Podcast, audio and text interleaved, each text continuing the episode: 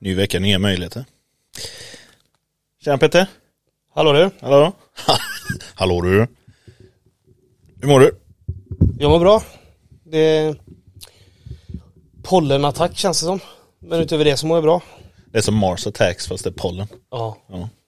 Det är det stora sorgen med våren. Att man mår skit. Ja du ja. Ja. Du, men du har allergier. Jag är allergisk mot allt. En subpar human. Ja. Men det kommer ju i vuxen ålder. Det kommer ju förfallet kom sent. Ja jag skulle inte, det skulle inte förvåna mig om jag har någon allergi på G också. Som kommer krypandes nu i, vad är det? Tidiga 30 år. Eller hur? Ja. Nej men bra vecka. Ja, men veckan har varit bra. Det har inte, alltså ur, ur ett, eh, ur ett liksom IT-perspektiv tycker jag den har varit ganska seg. Jag tycker inte det har hänt så mycket. Så vi får ta fram reservlagret idag känns det som. Ja. Eller de vettiga artiklarna. Ja, det vet jag fan. Men det är ju när, man, när vi inte behöver people pleasa. Ja, men precis. Vi kan inte för det finns inte. Nej, men, men eh, ganska standard vecka för min del. Mm. Inte hänt någonting eh, speciellt så. Inget crazy. Nej, hur har din vecka varit? Bra, jag har snöat in lite på det här du lurar in mig på. Materialsporten uteliv. Mm. Eller kallas uteliv. Är det, Jag är ju sån noob i det. jag vet inte vad man säger på svenska. Hiking and outdoors. Ja. vad, är en, vad är en bra svensk översättning?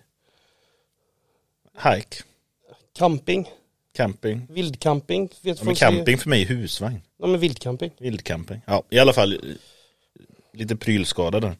Jag får ju hålla, jag får redan hålla emot. Ja, Det finns så mycket ja, roliga jag, grejer att köpa. Jag har redan tappat det. Jag, det finns inget att hålla emot längre. Du har bara accepterat det. Ja. Du har bara öppnat floodgaten. Mm. Nej men jag, så jag har köpt lite grejer nu och förberett mig för den första, vad säger man på engelska, excursion. Mm. Ja. Så det är på G. Så beställt massa Eh. grejer, lagt massa pengar på onödiga saker enligt vissa. Din första utflykt. Precis. Du kan på, du kan inte hålla på med anglicismer. Vi, vi, pratar ju mycket i anglicismer i podden. Mm.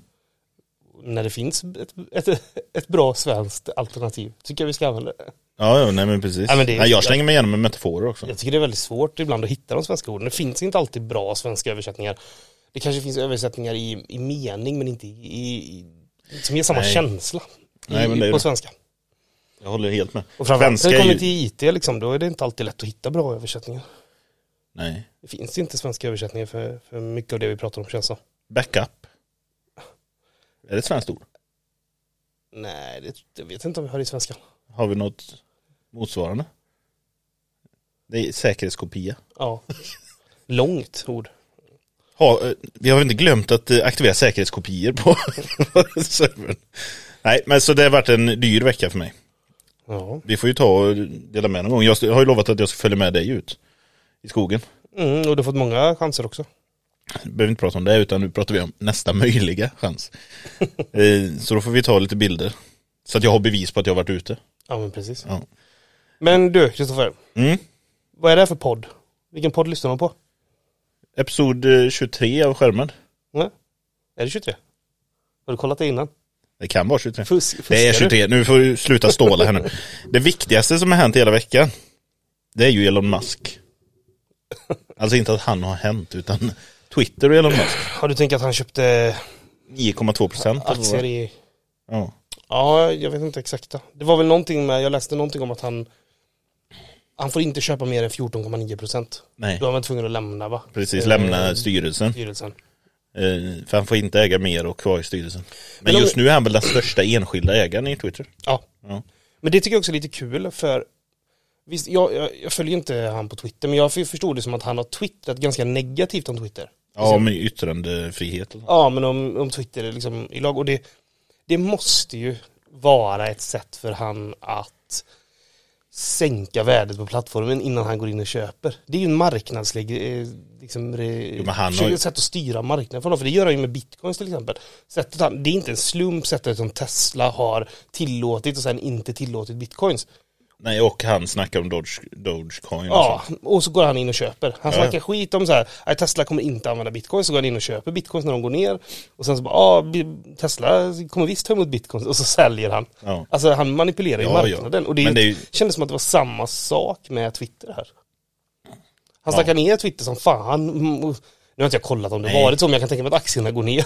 Men han är ju garanterat en businessman i grund och botten. Ja, men det här hade ju han gjort det på en aktiemarknad, det hade varit olagligt ju. Ja men han gjorde ju det typ med Tesla när han sa att han funderar på att ta Tesla private Ja, för x antal per share. Och det drev ju upp. ja. Men sen blev det ju aldrig så. Nej, nej men precis, och han gör ju så. Det, här med, det han gjorde med bitcoins känns som att det hade varit olagligt att göra om det var på, på aktiemarknaden. Det här med Twitter nu är inte lika tydligt. Det är ju inte, det är inte riktigt samma sak. Nej. Nej han kommer ju säkert driva upp värdet på Twitter lite igen. Nu kommer ju den här edit-knappen. Det är ju inte på grund av honom. Nej. Vill jag bara säga. Många hypar ju det här. edit-knappen? Nej han sa ju det här att, eller det var ju en poll han la ut så här om folk tycker att Twitter borde ha en edit-knapp på sina tweets. Okej. Att du kan editera tweets. Kommer de visa historiken? Nej men de, de har släppt en bloggpost om det där de beskriver att de tar väldigt stor respekt till det här med tid och antal svar och sånt för att man inte ska kunna ändra incitamentet av ett tweet efter det har fått massa reaktioner. Då blir det ju som det gjorde med, det är väl Lex eh, Facebook-grupperna, kommer du ihåg det? Nej. Det var så här, det var ju ganska, det hände ju, det blev ju en ganska stor grej med Facebook där det var Ja, för nu för tiden kan du inte, när, du, när din grupp har funnits ett visst, antal länge eller fått ett visst antal följare, då kan du inte byta namn på den längre. Men det var ju så här, ett tag så gjorde ju folk så här bara, vi som eh, älskar bra saker. Och så var, fick de jättemånga followers, så ändrade de till någonting, någonting oetiskt eller någonting, Ja, ja något politiskt eller du vet så här, de bara bytte namn på gruppen så det, Trollade det extremt många människor samtidigt. Precis, och jag tror att det här är väl också en sån grej som, alltså det är väl därför man har dem, alltså de här concernsen då med den här oron med att editera tweets. För Ja. jag tänker att det kan bli samma sak där, att man säger någonting och får massa reaktioner på det, så ändrar man det till något helt annat sen och får en helt annan innebörd. Precis. Så det är därför om man ska ha en edit så tycker jag det är jätteviktigt att man ska kunna se Historiken. his- edit-historiken på den.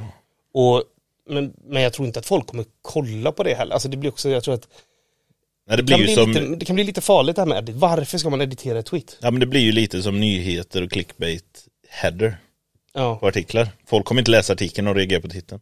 Ja, Ja. och man kommer kanske inte kolla på editen, man kanske inte ens vet om att det är en edit. Nej men precis.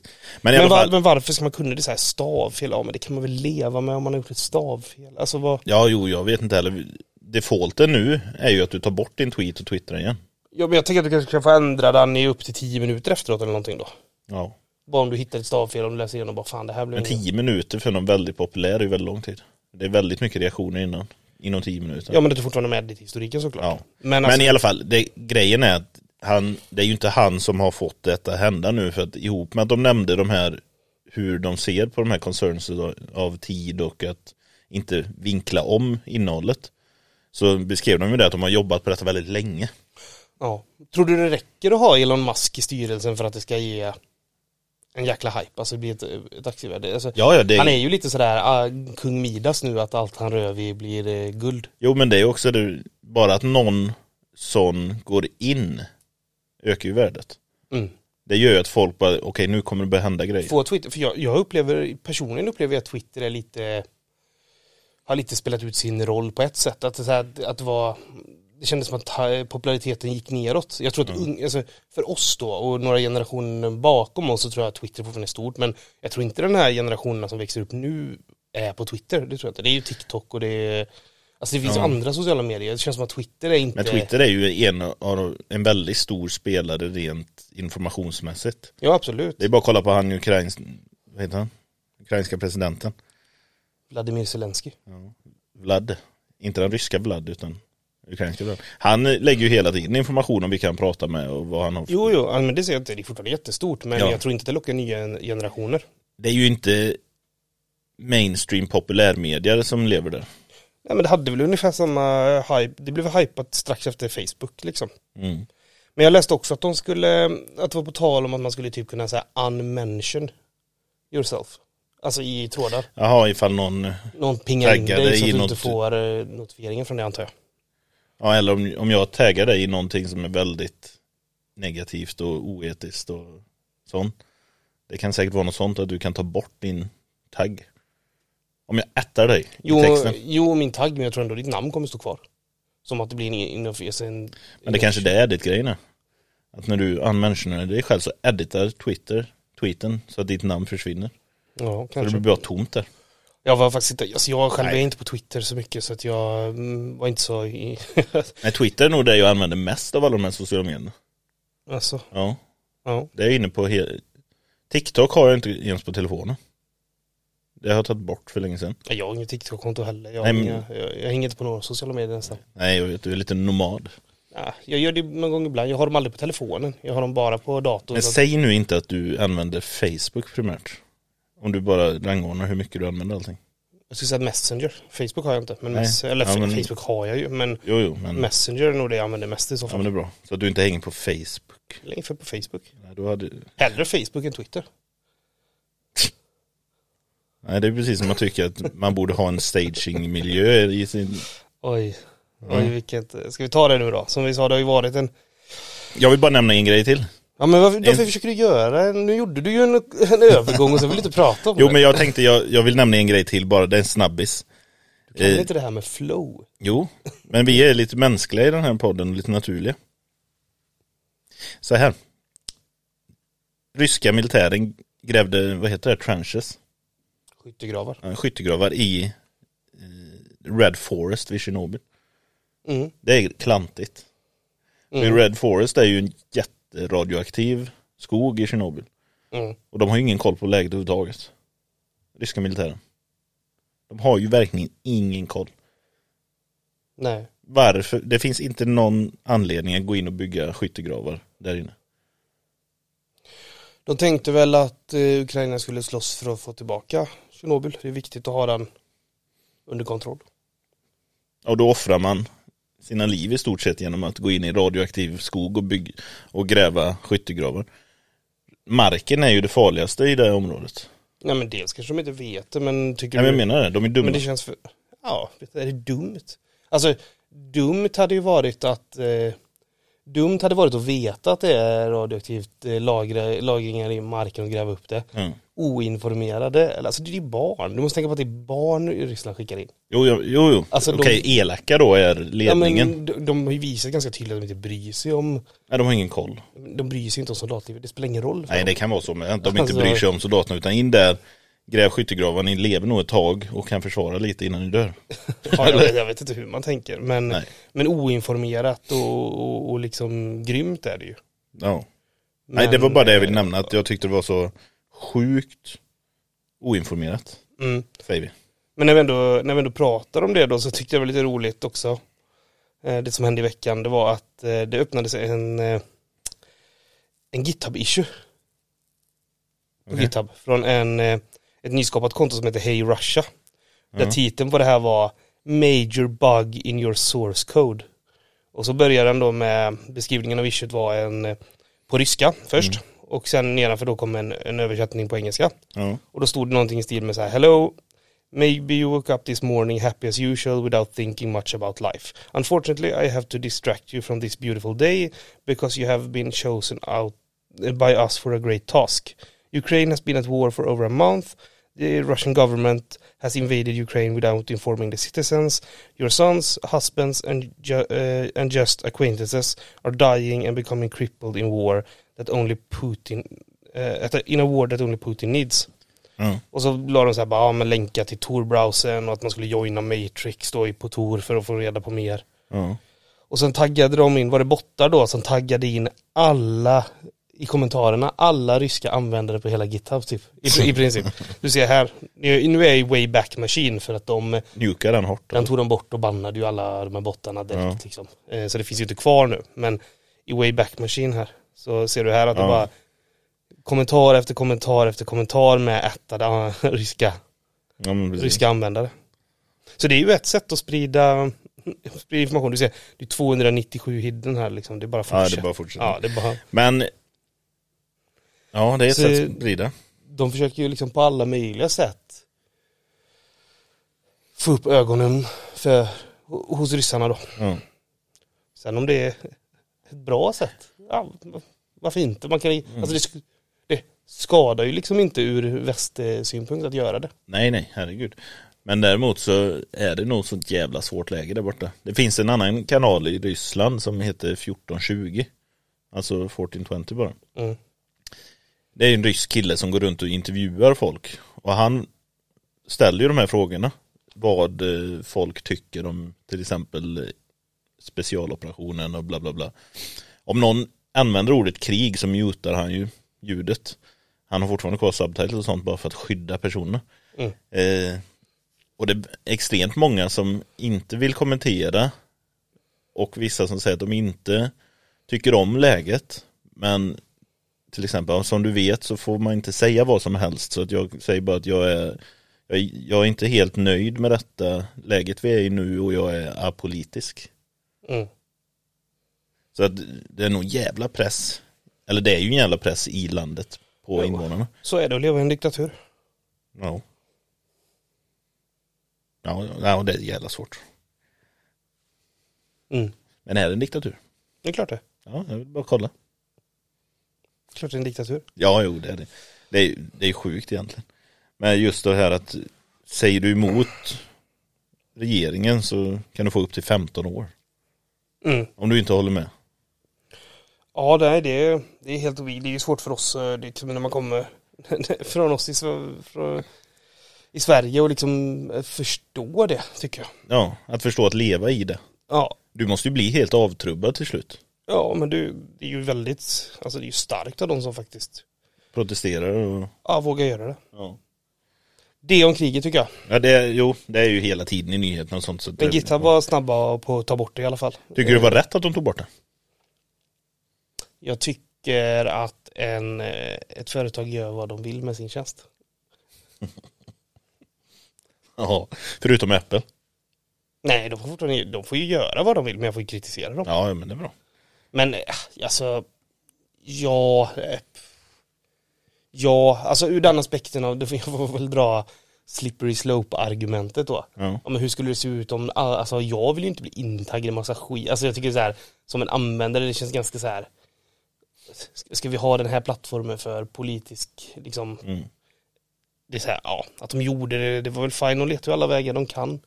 Men jag, så jag tycker så här, ja men det är så här, nå- någonstans ändå så här rimligt att ta bort det. Ja. Jag, jag tycker inte GitHub ska vara, då är Twitter bättre. Som en plattform för, Men Twitter är väl bannat nu i Ryssland? Blev inte det bannat ihop med Instagram hela vevan? jo, jo, jo, men jag menar bara generellt. Liksom. Jo, de vi, ska försöker inte, ju. vi ska inte använda kanske GitHub som primär plattform för politiska diskussioner. Nej, nej, nej, helt klart. Det blir lite för mycket till slut tror jag. Om, det skulle, om de skulle tillåta massa sånt, då kan man inte göra det man är där för att göra på något sätt. Det är ju samma sak som han som njukade NPM-paket. Mm. Det var ju också en, hans åsikt han gjorde det, men de rollbackade ju det. Ja, ja, men den är svår, alltså det är alltid svårt. Jag tror att någonstans får man vara så här, det är därför jag väljer den linjen att säga så här, att det, ja, men är det din tjänst och din plattform så gör, Så du, gör vad du gör du vad du vill. Jag håller helt med. Det är du, jag och Ron Swanson. Men vem ska annars liksom, för det, är ju, det blir ju moraliskt, vem ska annars ta det beslutet? En plattform? Alltså vem? Nej, vem, folk kan ju inte tycka... Ska vi rösta, använda- ska vi göra folkomröstning om det då? Eller liksom vart Ja. går gränsen? Ja, men hur ska vi annars avgöra det? Nej. Men eh, jag tycker det var ändå så här, lite kul att de gjorde det. Alltså det är ju ett, Ja, ja, herregud. Det är ju inget. ett spännande sätt att göra det på. Precis. Men, Ska vi plocka upp det här nu då eftersom det varit en ganska tråkig, ja, men jag tycker att det har varit en tråkig vecka. mm. Rent tech news-mässigt. Jag har inte fått en switch, eller switch, jag har inte fått en Steam Deck så jag har inget att prata om men där. ja, det, angående Steam-däcken snabbt. Ja. Valve nämner ju den, de säger ju inte Steam Deck, de säger ju Your Deck. De använder ju däck. Heter han inte däck egentligen? Är inte Steam Deck bara precis som att eh, Nej, den heter Steam Deck. ja, varför, när, varför när de pratar om några artiklar så säger de eh, On Your Deck. Ja men det är väl kortare. Ja. Du säger, den heter Jag ju Nintendo Switch men du säger ju alltid bara Switch. Your Mm. Switch. Men börja säga däck då. Nej men då fattar ingen vad jag menar. Ja men de fattar ju Switch. Ja, men, eh, Nintendo Switch. Switch. Ja, jag vet inte fasen. Nej. Men nej, så ingen, men det har varit rätt slött. ingenting där. Men de sa ju det, att de, eller sa vi det förra veckan? Eller var det att de skulle börja skicka ut fler nu? Nej det sa de i veckan va? Att det, innan de bara skickade ut Ja, på, början på veckan, måndagar. Mm. Jag kanske sa det förra veckan men jag säger det ändå igen då så att eh, alla vet. Att de normalt sett skickar ut på måndagar har de gjort mejlen. Ja. Men att de ska börja nu då öka utskickningen och skicka ut mejl flera gånger i veckan. Så att eh, förhoppningsvis snart. Juni för dig. Ja, 27 juni säger ju den här tracken ju. Ja. Men eh, då hoppar vi in på ämnet. Vilket ämne Peter. Men take it away, det är ju du som har inst- instagerat det här. Ja, det kom en väldigt bra artikel. Oj, Nu höll jag på att tappa min dator.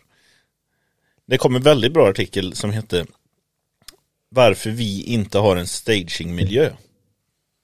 Ja. Som går igenom väldigt många punkter, eller väldigt många punkter, några punkter om varför de här Squeaky AI heter de, varför de inte har en stagingmiljö i utvecklingen utan det är typ ja, push to production skulle jag vilja kalla det nästan. Mm. Eh, och jag la ut denna i våran sån här notes över saker som kan vara intressant att prata om och det blev en jävla reaktion. Du menar från mig? Ja. Ja. Du var, jag, jag hörde ju att du var lite på snudd arg. ja, men jag var förbannad. Jag har ju väldigt lätt till att bli förbannad. Så att, eh, jag har ju lovat dig att jag inte ska vara förbannad denna utan att vi ska ha ett... Eh, Ja, jag sa ju det till dig, det enda jag vill är att vi inte eh, går till personangrepp. ja, nej men att vi ska ha lite mer sansad diskussion. Ja, Ja, men, alltså det var ju också lite retorisk överdrift kanske att bli förbannad men, men eh, jag jag tycker mycket ja, ja, men jag tycker, jag tycker kanske jag håller inte med om allt om Nej. säger så. defaulten, bara så vi börjar där, defaulten är väl oftast att ha en stagingmiljö skulle jag säga. Bara för, Ja, men jag, min, Det känns giss, min gissning är ju att det är utvecklarmiljöer, det finns ju till och med de som har en dev-miljö, alltså en live, alltså en, en dedicated dev-miljö. mm, Alltså du har ju dels din egen laptop eller din egen, din egen dator. Och sen har du en dev-miljö du kan pusha till och sen har du en staging och sen har du en production. Det är ju en, ett scenario jag har sett. Eh, Det är väl lite extremt Jo kanske. men jag tänker just det Om det här är det, att pusha direkt till production är extremen på, på den här sidan så Ja. kanske det är att ha, ha fyra miljöer uppe, eller fler är väl på andra änden spektret då. Ja. Och jag, jag skulle gissa på att det vanliga är att man har en staging och en production. Mm. Eller som många kallar den, en demo och en production. Ehm, precis. Ja. Men ska vi, vi kan ju gå igenom den här artikeln lite lätt här och ta titlarna lite, vi behöver inte läsa den innan. Men då frågar de ju här, vad är problemet med en stagingmiljö? Mm. Och då, det första Och så listar de argumentet, massa problem här. ja, det första argumentet är ju att eh, pre-live environments are never at par parity Alltså de är inte... med production. De, är de inte lik- jämlika. Nej, de är ju inte jämlika. Nej. Oftast då pratar man väl om hårdvaran framför allt. Men det Ja. kan även vara mjukvara. Ja, jag skulle säga data också. För att ett produktionssystems datamängd och ett demosystem. Eh, säg att du har Du har gjort en ändring. Ja. Säg att den ändringen verkar funka jättebra i staging. Men i staging kanske du har tusen rader i en tabell. Men i production så är den tabellen en miljon rader. Och det kan göra att du inte märker att det här kommer bli sirap där ute. Precis. Men det jag tycker är intressant med den här då håller jag ju inte med. Nej. Eller jag säger så här, jag, jag håller med i sak. Men jag hävdar deras production-grej, det är det, det, det är inte, alltså inte, löser inte problemet. Nej, nej. För jag skulle hävda så här, då, då har de, de har krass, rent krasst två miljöer. De har production och så har de alla utvecklares egna laptops. Mm. Om vi skulle kolla det ur det aspekten att det inte är samma, det är inte samma hårdvaruuppsättningar på en staging och en production. Det kan vara olika data och, olika mjukvara till och med, kanske ibland. Inte om du kör docker. Nej, men då kan jag ju hävda så här, ja men att, för han hävdar ju då i den här artikeln att de kör ju sina, sin acceptance-test och allting på sin laptop bara, på sin dator. Mm. Där har du ju potentiellt, tio utvecklare. Där har du potentiellt tio olika miljöer. Varför skulle det vara bättre än en stagingmiljö? Vad, vad är det som gör det bättre att testa det på din laptop för, än på din stagingmiljö? Du, och, du skulle ju kunna skapa en stagingmiljö som liknar production mycket hårdare.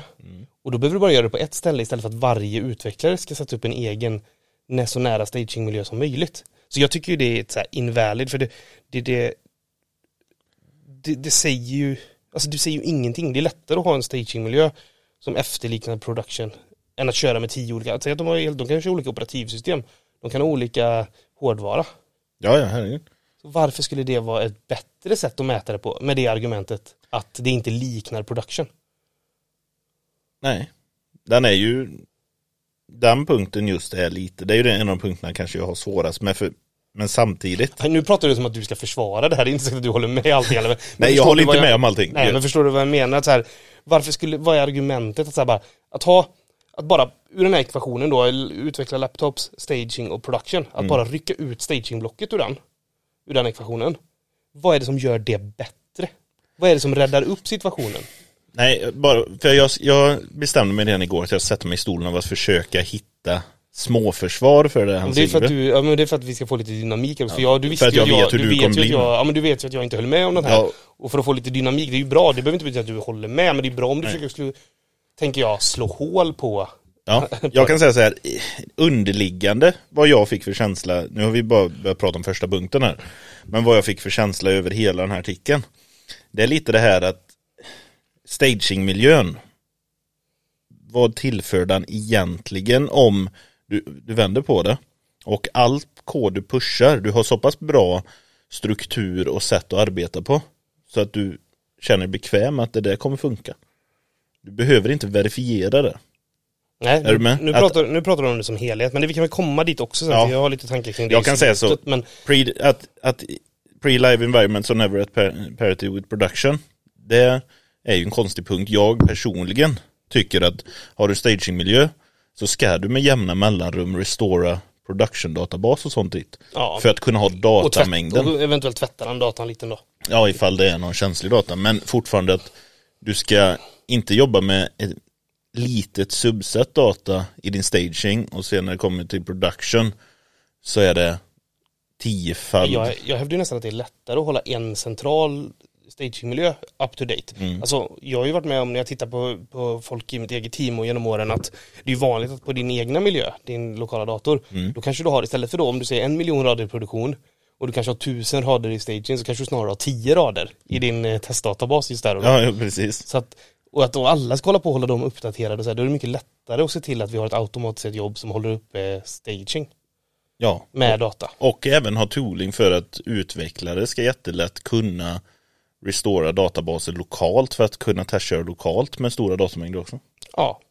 Men då kräver det ju att alla, det beror ju, då, och där blir det ju nästan filosofiskt. Vi kommer nog landa i mycket av det här att jag, jag tycker ju att det är så här mycket av det argumenten här i tycker jag inte handlar om staging egentligen. Det handlar om hur man väljer att jobba som team. Kultur Vi, ja, och men det, det märker vi väl när vi kommer Precis. in. Men jag, den tycker jag inte, så här, jag håller inte med om den.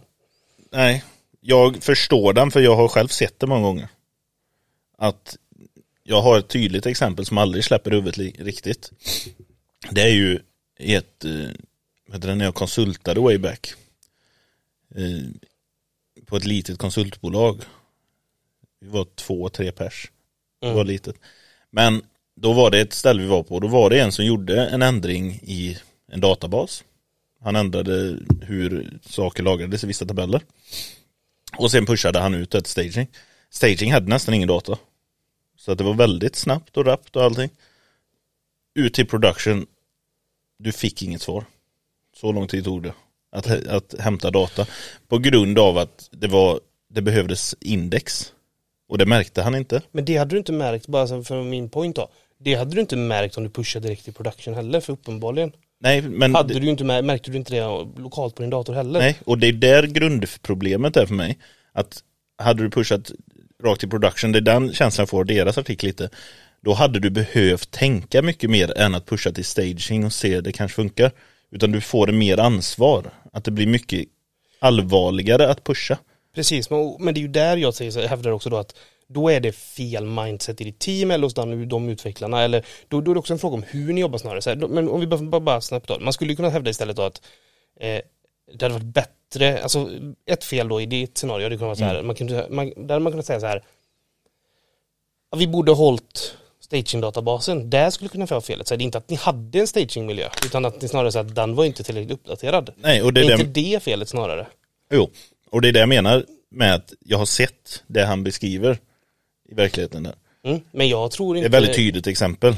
Jo, men någonstans också måste ju alla utvecklare vet ju att deras kod ska komma till produktion. Jo, men jag tror Så- inte alla utvecklare förstår allvarlighetsgraden i deras kod och vad det kan orsaka. Jag hävdar att pusha till production skulle inte göra någon som helst skillnad i det mentala. Nej, Om du inte förstår att din kod ska komma ut i produktion efter staging, då har du andra problem. ja, men då kommer du inte bry dig om det andra, alltså att den går direkt ut i production heller.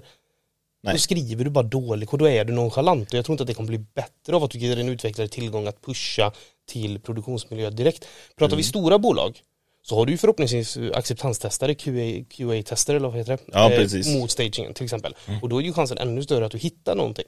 Så här tror jag också, vi, vi, vi har ju pratat om att mycket av de här, man får ju se de här punkterna ur en ur relationen konsultbolag och produktbolag. Precis. Men man ska också kolla på dem lite ur storlek tror jag i bolagen också.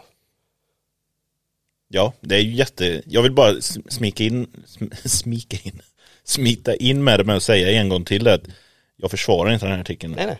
Nej men det säger jag inte. Men Så det är, du bra att du, jo, men det är bra att du försöker Men jag försöker andra- förstå vad är deras aspekter. mindset.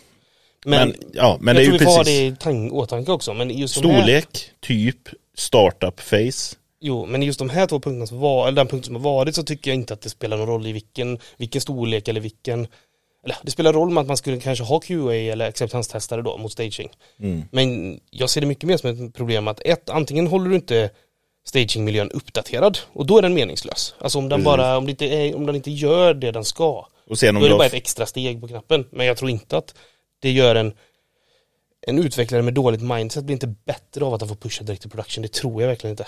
Nej, nej, nej, utan det är ju som du nämnde där, att grunden är ju en kulturell grej.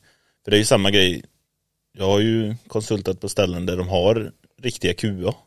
Alltså personer som bara sitter och testar. Mm. Och det, det, är ju inte, det var ju inte ovanligt där att det var den här att, ja, men det här, är, inte- det här funkar nog. Jag får se vad QA säger. Precis. Man känner sig inte 100%. Man vet inte om man har gjort rätt eller att det kommer funka som det ska utan det får någon annan se. Mm. Men man får, man får validering av någon annan. Man blir inte tillräckligt insatt i okej, jag ska lösa detta. Om du vet att någon annan kommer dubbelkolla allting, det är, din, det är standardläget, då behöver ju du inte mentalt sätta dig in i problematiken lika mycket. Eller det beror ju på personligheter också, men du kan ju lika väl välja att göra lite, testa. Nej men detta funkar inte så, så och så. Nej, ja men då tar jag tillbaka och gör det igen och så fram och tillbaka, fram och tillbaka, fram och tillbaka. Att det blir mer att det är otydligt i vad är leverabeln. För att du tänker inte så djupt. Du vill bara bli klar med din issue så snabbt som möjligt. Ja, men jag har väldigt svårt att se att Men det är ju ska kulturell vara, grej också, Ja, jag har svårt att se att det ska vara själva stagingmiljöns vara eller icke vara. Nej, jag, nej, jag nämnde Q, jag tänkte på QA där. När du även har det steget. Mm. Ja men då, då kan man ju diskutera, okej hur jobbar man med QA? Men det tror jag blir lite utanför den här. Ja. Men det, det håller jag med om att så här, QA kan ge någon så här, Falsk. någon falsk trygghet eller liksom någon, någon En avlastning i mentalt att jag behöver inte bry mig så mycket för den personen kommer ha koll på vad det måste, hur det måste funka. Mm, nej men absolut. Men vi hoppar, det, det var bara första punkten. Ja, vi, vi kan gå vidare. Ja, eh, det här kan vi toucha på snabbt då. Det är alltid en kö. Och det är ju det, vad de nämner där är typiskt det är när flera personer använder staging för att validera sina ändringar innan release. Så leder det ofta till tillfällen där du inte kan mergea din kod för att någon annan testar kod på staging. Så då förutsätter man ju här att de är, alltså de rör vid samma De saker. dependar på varandra på något sätt. Ja. Mm. Och alltså visst, det kan ju hända. Mm. Det har man ju varit med om. Ja, vi har ju jobbat i relativt små team. Vi kanske är, har varit en två, tre, äh, tre till fem fyra, max. fem, ja men sex personer kanske inte. Ja, men, sex, ja. men de flesta, men se på ett projekt då, ja men så ja, men så vi jobbar en tre, tre, fyra på ett projekt kanske. Ja, någonstans där. Ja. Och jag upplever att det är väldigt sällan det blir ett, eh, alltså vi strukturerar i alla fall vårt arbete på sådant sätt så att det väldigt sällan blir saker som är beroende av varandra. Sen är det klart att hur mycket man än undviker det så händer det ju. Ja, och det är också en grej, den här diskussionen kring den här artikeln tror jag blir bra just för, eller är bra på grund av det här med sätt att se på saker med utvecklarkultur och arbetssätt. För att om det är en sån grej till exempel där du har två issues, de dependar på varandra. Det är lite för ovanligt tycker jag. Att varför de två personerna som tar de här, varför inte jobba ihop? Ja, det. Exakt. Det är väldigt, det, det är lite för ovanligt tycker jag. Mm. När det finns tydliga cases där, okej den här dependar på hur den funkar. Då jobbar oftast de två personerna helt separat och så får man lösa vart det krockar på vägen. Ja, men så återigen handlar det tycker jag också att, som jag sa då, att det kommer ner till hur man jobbar. Men om vi tittar på det ur ett aspekt där du inte har en staging då. Mm. Det hade ju också kunnat bli en krock i production. För det, det vi pratade om då var ju, vi pr- pr- pratade ju lite om det här igår. Mm. Eh, och då sa vi ju det att det som kan hända är då så här, om, om jag gör någonting och du, det, jag gör någonting och du gör någonting som är beroende av det jag gör. Mm. Och det är så här, du kommer ändra något av det jag gör. Det, det snackar vi om igår. Så Ja. jag gör någonting och så pushar jag ut och så, så här, ska kunden eller den som ska testa, ska de testa det jag har gjort när vi vet att det du kommer göra kommer overrida delar av det jag har gjort eller ska man vänta tills det som du har gjort kommer ut Mm. och overrida. Skulle det vara rakt ut i en production hur ska man hantera det då? Det blir ju samma problem. det kontextet runt detta som vi inte har ren 100% insikt i det är att avsaknaden av en staging kan ju fortfarande innebära att, eller troligtvis innebär det, att de har i sin CI-CD pipeline, alltså Continuous Integration Pipeline och Development, Mm. att de har integrationstester och hyfsat mycket unit-tester. Så att om du har gjort, om du jobbar på en ändring och jag jobbar på en ändring, att det failar innan det kommer ut. Jo, men jag menar bara så här rent praktiskt, vad så här, ska, ska min kod komma ut i production i två dagar och sen kommer det in och overrida den? Alltså det blir ju samma problem. Men där har du, där har du Jag faktiskt ser inte vart liksom problem, man flyttar ju bara problematiken ut på production istället. ja, Nej den kommer ju antagligen aldrig till production Min kod nej. Nej för att du kommer, nej jag, om jag är först Ja, ut Då kommer ju du behöva ändra om. rebasea eller mergea main in till din Och se till att det funkar som det ska så att din är en naturlig fortsättning på vad jag har gjort Ja, men så hade man kunnat göra med en stagingmiljö också. Alltså staging har ingenting med det att göra. Jag tycker fortfarande argumentet det handlar inte om staging, det handlar om hur jobbar vi med konfliktande branches? Ja i den punkten tänker Ja, och, mm, ja precis i den Ja. punkten. Jag tycker alla punkter handlar Det är om faktiskt intressant Då kommer vi in på en intressant grej Som jag kan fråga dig PRs. Vad tycker du om att en PR får inte mergas innan den är up to par med main? Alltså du får inte ha en merge in i main som, som innehåller ändringen som mergar dem. Så att om du har master här och så är din branch här och sen har det hänt någonting här mer. Och du tänker att man ska dra in, innan man gör en PR, innan du drar en PR så ska du ha dragit in Nej, innan den går att merga. Så att om din PR öppnas och en annan PR eh, mergas så måste du eh, uppdatera din PR-bransch till up to date med master. Så du måste antingen Ja, alla merge PR som öppnar måste, master det main. sista man gör, du skriver dina features Mm. och det sista du gör innan du lägger upp en PR är att dra in master i din, main. main, main i din. Ja. Så att du vet att din PR bygger med det senaste i main. Innan Ja, den det, är- det är en bra practice. Så jag, jag inget, Nej, det hittar jag, det hittar jag ingen. Jag tänkte jag skulle få någonting där. Nej, men oftast är ju GitHub bra på, liksom, om man använder GitHub så ser du att det finns inga konflikter, du har inte rört någonting. Nej fast det, där är ju grejen. Att även fast du inte har en merge-konflikt så kan, nej, om du mergar in din kod så kan det inte funka. Nej men så är det ju. För det kan ju vara, Nej, men det är väl- säg att du använder en konstant i din, Mm. som är config key. Okej? Du har inte ändrat den konstantens värde i din, du använder den. Mm. Men sen i main så har den ändrats, värdet av den har ändrats. Mm. Fast din PR förutsätter fortfarande att värdet är samma och du har config-nycklar som matchar med det i någon JSON-fil och grejer. Så när du mergar, det blir inga konflikter, fast det kommer ju inte funka. Kan man göra det på ett nice sätt? Finns det inbyggt i GitHub? Stöd för det? Att du måste hålla uppdaterat. Ja. Ja, Ja. den aktiverar jag alltid på repon. Ja. Den är optional, den är inte default-aktiverad. Nej, nej men det är väl jättebra. Det Mm. ser jag bara som positivt. För då när du gör det, då körs ju testerna på din PR-bransch och då kommer ju förhoppningsvis testerna visa att det funkar inte. Mm. Istället för att det ska in i main och där faila.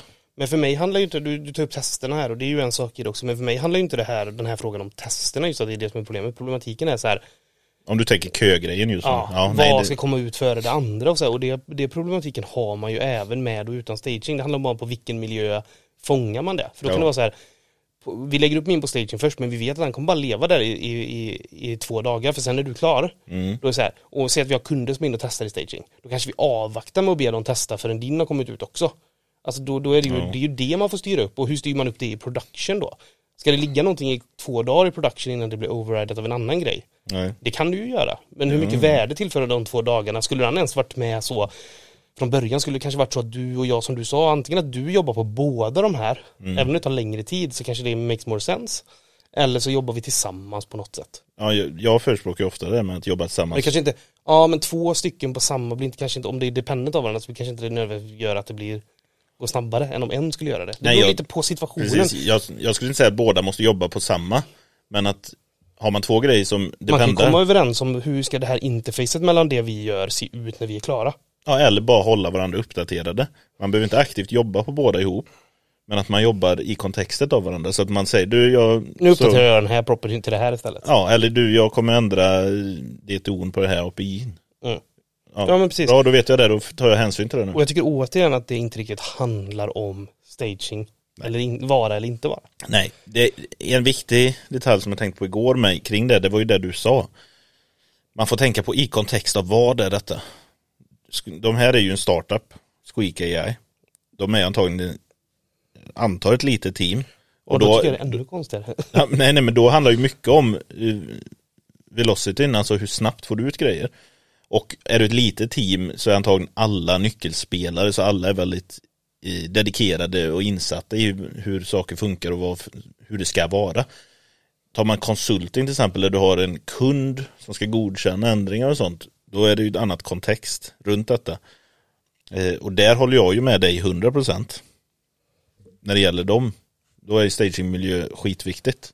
Då är det viktigare med det som vi touchade på förra punkten, det här med att hålla stagingmiljön verklig. Så att Mm. han inte bara är ett litet lalla, land som är där, där det är en falsk trygghet i ja men det funkar i staging, då kommer det funka i produktion. För har Mm. du inte samma datamängd, har du inte ja, har du inte produktionsdata där så vet du inte om det kommer funka i produktion. För det finns så många dolda aspekter i om någonting kommer funka eller inte. Precis. Ska vi hoppa vidare eller? Vi hoppar vidare. För- vi har ju Ja, många, vi, det går många punkter. Vi, sa, vi snackade om det igår utan att gå in på den. Så, så, du sa ju det att du tror den här kommer ta lite tid. Ja. Och det gör den. Eh, nästa punkt har vi då. Releases are too large. När kön saktar ner utvecklingen så kan det leda till att multipla eh, ändringar blir bandlade in, in i stora releaser. ja.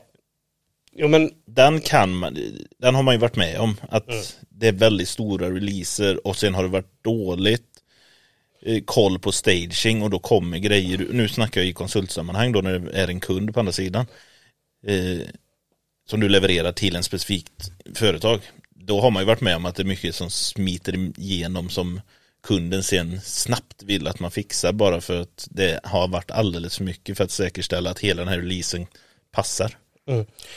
och jag håller med, det blir, kan tendera att bli stora. Man kan ju återigen då hantera det genom att jobba på ett annat sätt. Så Helt du, klart. du kan till exempel ha feature freezes.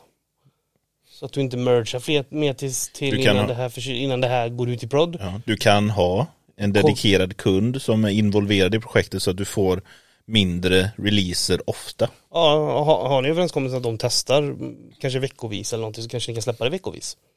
Det som är uppdaterat liksom. Kortare sprintar om man jobbar med scrum till exempel för att liksom, få ut kort. Så det finns ju mycket man kan göra men sen så håller jag med om att det är klart att det, det går snabbare att bara slänga ut allting på production.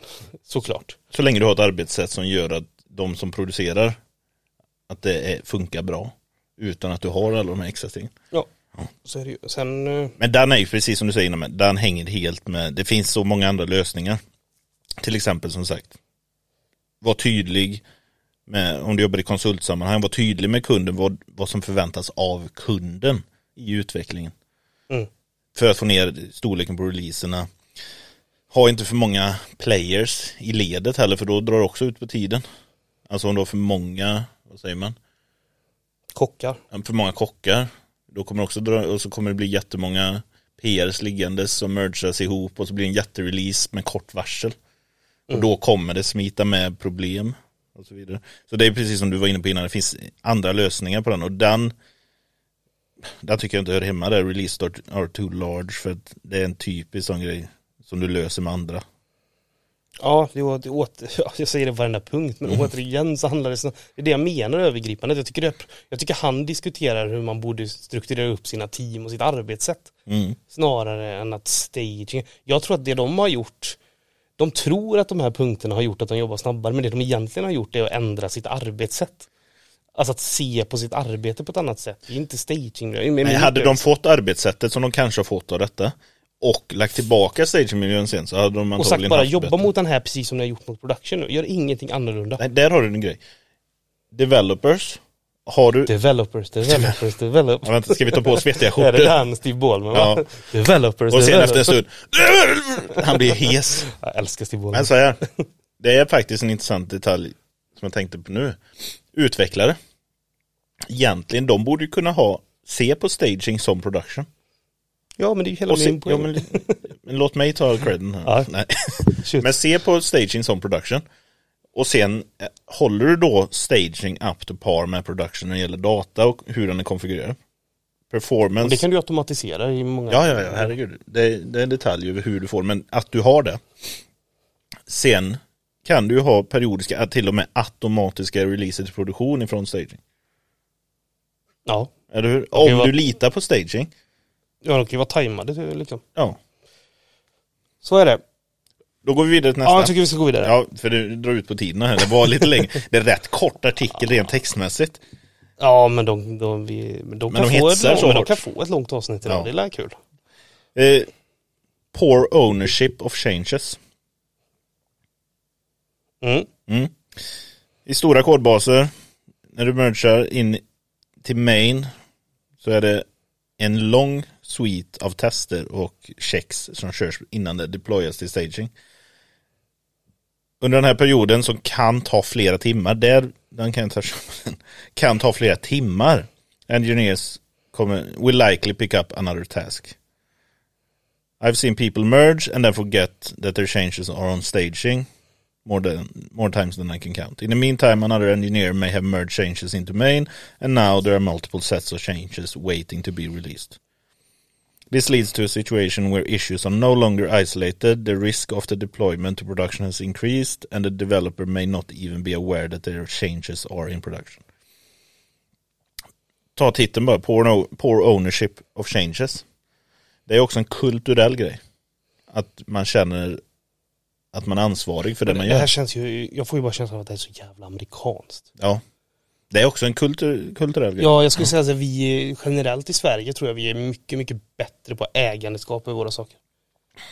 Ja, att ha lite ansvarskänsla. Ja, jag, tror, jag tror verkligen det. Eh, Men sen återigen då, jag låter som en broken record här men det är samma argument hela tiden. Så här, ja, de bara, om, vi, om vi pushar till main så är det massa tester som kör. Varför kan inte de ligga på staging då? Och varför eh, och, och, och varför Alltså det ska ju vara lite pusha till staging and forget. Alltså det är ju din release. Det du ska göra ska ju vara så bra så att det ska bara kunna gå ut i Det ska bara funka. production direkt. Men det är ju mot förmodan om det skulle hända som man har tester där. Eller om kunden vill se det innan. För om vi pratar ur ett konsultbolagsperspektiv igen då, där man har en förväntad kund. Mm. Så kan det ju bara, det behöver inte vara att så, här, kod ni säger dålig eller någonting. Utan det är bara så här, förstod vi varandra rätt nu? Så här, så här tolkar det. För nu, här, man kan diskutera någonting, man kan rita, frame, eh, rita wireframes och prata om det. Men i slutändan så är det så här, så kan man använda staging för att så här, förstod jag dig rätt? Så här, Gå in och titta nu, för så här, nu har jag gjort det vi pratade om. Känns det rimligt? Och det handlar ju i min värld inte om att det ska vara bra eller dålig kod. Alltså du ska aldrig få, få, få, få committa sämre kod till staging. Än vad du gör till produ- om du Nej, du ska production. respektera stagen precis som production. Precis, och det är där problematiken är. Hur sätt förväntningarna på stagingmiljön. Ja. Och använd testen mot staging också då. Alltså varför, det är så dumt argument att säga bara, "Ja, jag fattar, mot mail finns det ju massa tester. Men att de ska ta timmar, det Ja. vet jag fan. Nej men det är också det, det är ju Jag kan förstå att det tar timmar om det är väldigt stor plattform där eh, du har en mobilapp som ska köras i smoke-tester på mot ändringarna i API. Du har en desktop-app som ska, alltså allt det ska automatiseras. absolut, absolut. Så det kan ju ta timmar. Men jag, jag återigen, så här, vad, ändra, alltså, änd, ändra förväntningarna på vad en stagingmiljö är i så fall. Mm. Sen, alltså, Sen så kan man fine skit i stagingmiljö. Jag tycker inte slåss för att alltså, dö på den här kullen för att det ska finnas en stagingmiljö. Nej. Men jag tycker inte att det tycker jag man gör som man vill. Jag tycker jag sitter inte och säger att alla borde ha en stagingmiljö. Nej, och man ska inte heller säga Nej, att man borde inte ha staging. Nej men jag tycker att han tar upp saker som jag inte har med stagingmiljöns vara eller icke vara. Nej, det har, jag tycker också det att det mesta här handlar om en kulturell grej och arbetssätt. Mm. Eh, ja. Men där har vi det, nästa punkt är ju det här, people mistakenly let process replace accountability. Mm. Och där har vi den här som jag beskrev, det är typ det jag beskrev innan som jag har sett.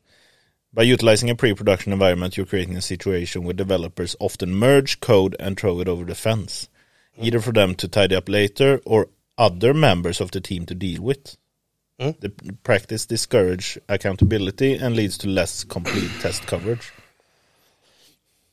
Men det är också egentligen för att spela på din fiol. Eller piano eller vad man säger. Så det är också en kulturell grej och ett arbetssätt-grej. Just det här med accountability. Är det någon, så oftast kanske jag upplever det här mest som att säga, man throw it over the fence, det är en ganska bra liknelse tycker jag, men det, men det är oftast kanske tidsaspekten skulle jag känna så här, så här åh, det är det är feature eh, freeze för den här sprinten imorgon. Mm. Så jag ska bara få över den här så att han kommer med på den här så vi kan bocka av den och velocityn i, i, i, i burndown-charten blir rätt. Ja. Liksom. Alltså, jag, jag ser ju det som att liksom, Enterprise. ja men det är ju snarare Det är ju snarare Jag tror inte att den personen, då är det snarare så här en tidsfråga, så här, du var så nära deadline så du var tvungen att liksom bara It, ha, it have to do liksom, alltså det, det får Men deadline var ju... Det hade väl hänt en production också menar jag bara. Jag säger, återigen, tror du en, en, en, en utvecklare som gör minsta möjliga och sen bara ah, kastar in det på staging. Mm. Skulle den bara genom att plocka bort staging helt, staging bli helt plötsligt bli världens bästa utvecklare och bara göra perfekta grejer. Som Nej, liksom, nej. Alltså det, jag har så svårt att se att det är det som gör, en, gör skillnaden. Men det är lite intressant det du säger. Nu ska vi se. Nu har jag ingen kompl- complete thought här. Men när du säger feature freeze till exempel. Är inte det lite åt det hållet där utvecklingshastigheten tar lite skada på grund av proceduren? Men jag menar inte fi, feature, feature kanske- på det sättet kanske men jag, jag tänker mer bara så här, vi vet att imorgon ska vi visa för kunder, det hade varit så jävla nice att få med det och få deras input på det här. Ja, du Imorgon. tänker så. Så bara, ja men då måste jag få in det idag för att vi ska visa det imorgon. Ja. Och då gör man det lite halvdant och kastar över det. Men frågan är, då är det ju arbetssättet av att man vill ha med det i demon snarare än att det finns en stagingmiljö. Alltså återigen. Och då är det ju då är det inte accountability för utvecklaren kanske inte ligger efter i vad han har sagt och lovat.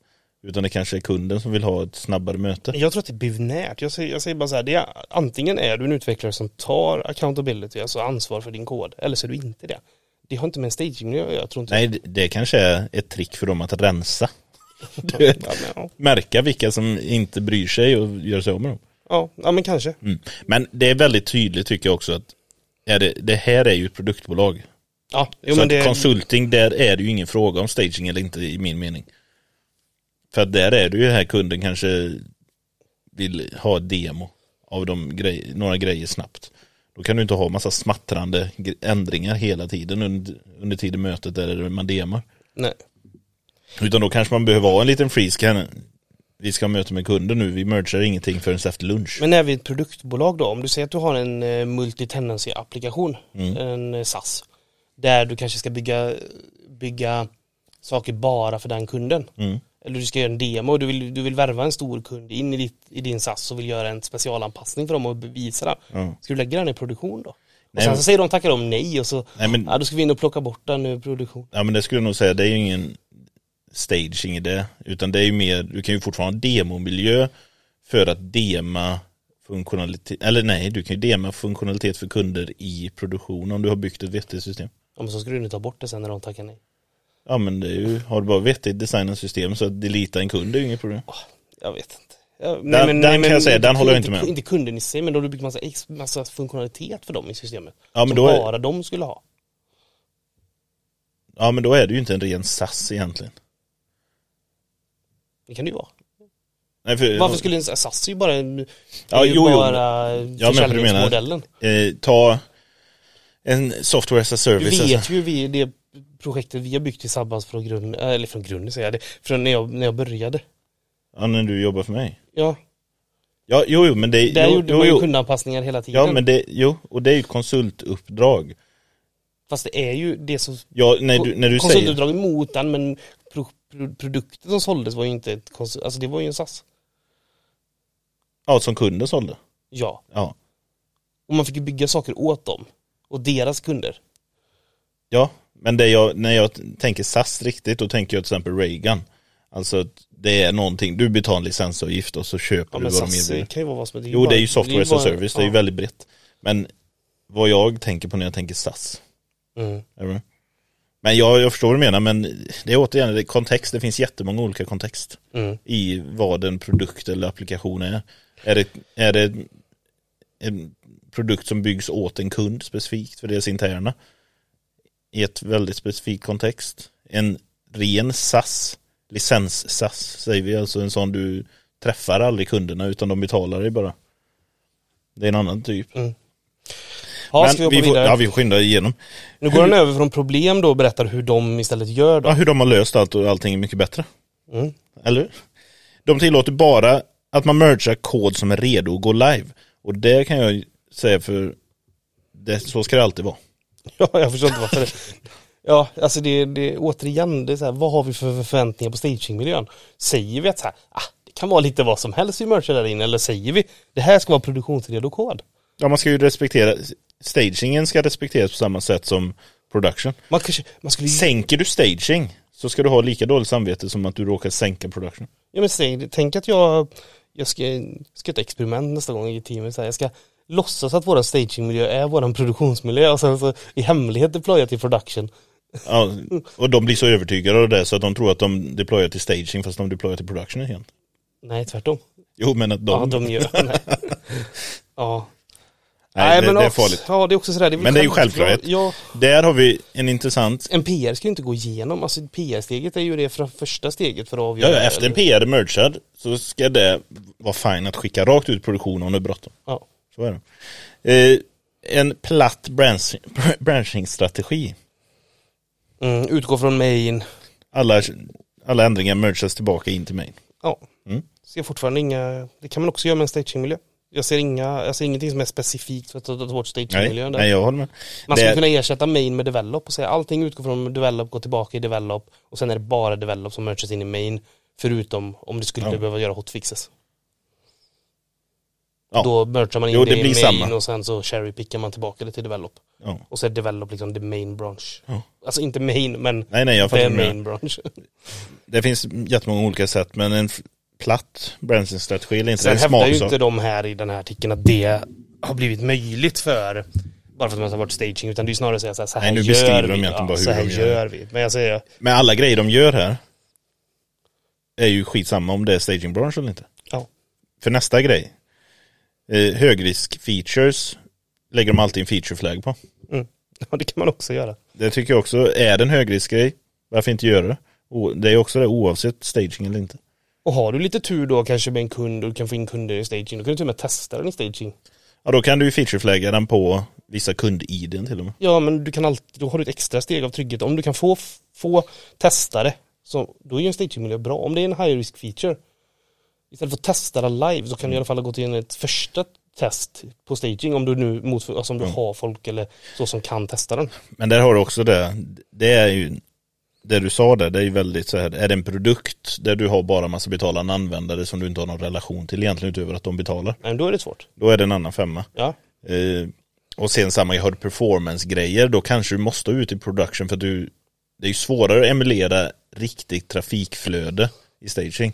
ja Du kan, sta- du kan ju, staging last, du kan ju last, belastningstesta, men att ha Staging beteende. löser ju inte allt. Nej. Alltså det du blir inte, allt blir inte fixat och du kommer inte fånga allting bara för att du har en stagingmiljö. Nej. Där har vi bara en inflikare, det gillar jag med App Engine på Google Cloud. Cloudrun har nog det också.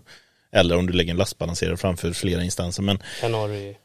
ja, nej, du, du kan ha uppe två noder, eller två stycken, eh, vad säger man, kluster. Och så kan du bara välja en procent för hur trafiken ska Ja, fördelas. är inte, är inte det Canary releases? jag, kommer så? jag vet inte vad de kallar. Jag tror att det är, jag tror hela begreppet så är, jag tror att det är Canary release. Men i alla fall, det är ju jävligt smidigt för om du har en standardrelaterad release. Mm. så kan du liksom småtesta genom 10%, 20% och skala upp det och se. Och lägga över 100 till slut och stänga ner de gamla. Ja, och under vägen när du kommer upp till 50-50 då kan du börja kolla lite på grafer och data för att se har vi lyckats förbättra prestandan. Ja men absolut. Istället för att bara gå all wild and crazy och så kanske det blir sämre prestanda i slutet. Eh, hands-on development. Eller deployment development. Tänk om det var hands-on på utvecklingen. Eh, ska vi se vad de säger där. När de, whenever we deploy changes, we monitor the situation continuously until we are certain there are no issues. To help us do this, we have monitoring, logging and alarms around all of our services. We also blue-green deploy by draining and replacing a percentage of containers. Ja, Det är ju det. Exakt. This allows a subset of users to receive traffic, traffic from the new service services while we validate. Det är också en sån kontextuell grej för att det är en bra ha-grej. Oavsett att faktiskt har du tid att övervaka dina deployments. Fast det känns också lite, har du lite Låter inte den lite som att det är väldigt stora deploys? Eller? Ja, kanske. Ja, det är väl de här De kontinuerligt Ja men det, det kan väl vara riskfyllt, det behöver inte vara stort, det kan vara riskfyllt också. Ja, jo det kan ju vara speciellt för en startup inom Men jag, AI. återigen, så här, skitbra. Fan vad bra, bra, bra att ni jobbar så. Men det går också att jobba så med en stagingmiljö. Så att, Men det du, det du nämner här, deras conclusion, bara Ja. för att hålla takten här. Dropping your staging environment in favor of true continuous integration and deployment can create a different mindset for shipping software. Det är ju egentligen det som är grunden. Mindsetet, det är, staging eller inte har inte så mycket att göra med det. Det är deras, jag håller med dig där om det att var ett sätt för dem att nå till det mindsetet möjligtvis. Ja, jo, men det är precis det jag tänkte säga. Att det här var deras syn på hur de skulle nå fram till, att, till folk som tar ansvar, känner sig delaktiga och gör ett bra jobb. Men jag kan tänka mig att ha- det mindsetet plus en stagingmiljö skulle Jo, också, kan ju bli ännu mer kraftfullt eventuellt. Men jag vill också vara jätte, eller så här, jag vill också ändå säga det att så här, jag, jag vet inte själv om jag är så här för eller emot en stagingmiljö. Vi använder det oftast för att det är det vi har gjort. Eller liksom, vi har aldrig ifrågasatt det Nej. kanske. Men, men, men eh, så det tycker jag så här, det kan man ju göra som man vill, gör det som funkar för er. Mm. Eh, Ja, för jag, det jag, jag tänker inte sitta och så predika att man ska ha en stagingmiljö. Gör det som funkar, men jag tror Ja. det som var intressant med den här artikeln var ju snarare att så här, de verkar ha blandat ihop lite vad det är som faktiskt behövde göras. Alltså det är mindseten snarare än stagingmiljön. Ja, jag skulle säga varför de inte, det dåliga, jag sa att jag skulle försöka försvara, men varför vi inte använder stagingmiljö. De, de gör inget jättebra jobb med att förklara varför egentligen, utan de bärsar lite på stagingmiljö. Men egentligen vad de bärsar på är folk som inte bryr sig tillräckligt mycket och har ett tydligt och bra arbetssätt att jobba ihop. Uppenbarligen har de inte haft det. Nej men exakt, och sen hur de jobbar säger ingenting om, alltså hur de jobbar gör inte att du inte behöver en staging. Det spelar ingen roll om du har staging eller inte med hur de jobbar. När de beskriver hur, how we work. Hade de så här snackat pengar, att det kostar oss mer än vad det smakar och så här, det, då hade man kunnat förstå det. Ja då hade man kunnat förstå att de har en Vi har ekonomisk inte råd att vinning. ha en liknande stagingmiljö som är uppe och kör. Och, Nej, eller för vi, det är så, nej men Ja. precis. Men sen står det här i slutet med You also need to be alert and take full ownership of changes you make. You'll reduce cost and complexity in your infrastructure and you'll simplify and speed up your development life cycle. Inte nödvändigtvis. Nej inte, men det är ju det, jag försöker förstå målet precis Måste som det du. alltid gå så jävla fort då? Nej, men det är ju som jag brukar tänka så här, det är skillnad på att det går fort bara för att det måste gå fort, för att någon tycker att det måste gå fort. Och att det går långsamt bara för att det är lätt att göra det långsamt, inte för att det blir bättre av att göra det långsamt. Nej men om, inte, om det inte finns någon, någon liksom Jag menar man ska fortfarande hålla deadlines och sånt men att det ska, måste det gå fort bara för som du säger, bara för att gå fort? Alltså varför det tycker ska det jag gå aldrig. så? De skulle kunna argumentera varför ska det gå så fort för dem också? Alltså det hade varit intressant att veta. Varför känner vi att vi behöver så här högt tempo också? Mm. Eh, Ja, det är en, och jag menar det är klart man ska sitta och såsa med grejer i fyra veckor. Men, nej, bara för att man, nej. Nej, men vad kan komma undan med att det går så himla mycket fortare då? det är väl mer, det, ju fortare du kan leverera ut fungerande features till kunderna, desto mer värde tillför du. Jo, alltså, jo jag fattar ju det rent, rent Men, sen, men jag fattar vad du menar med att eh, Men vad gör de varje, att det kommer en ny feature varje natt kontra att det kanske varje natt tre är rätt långsamt.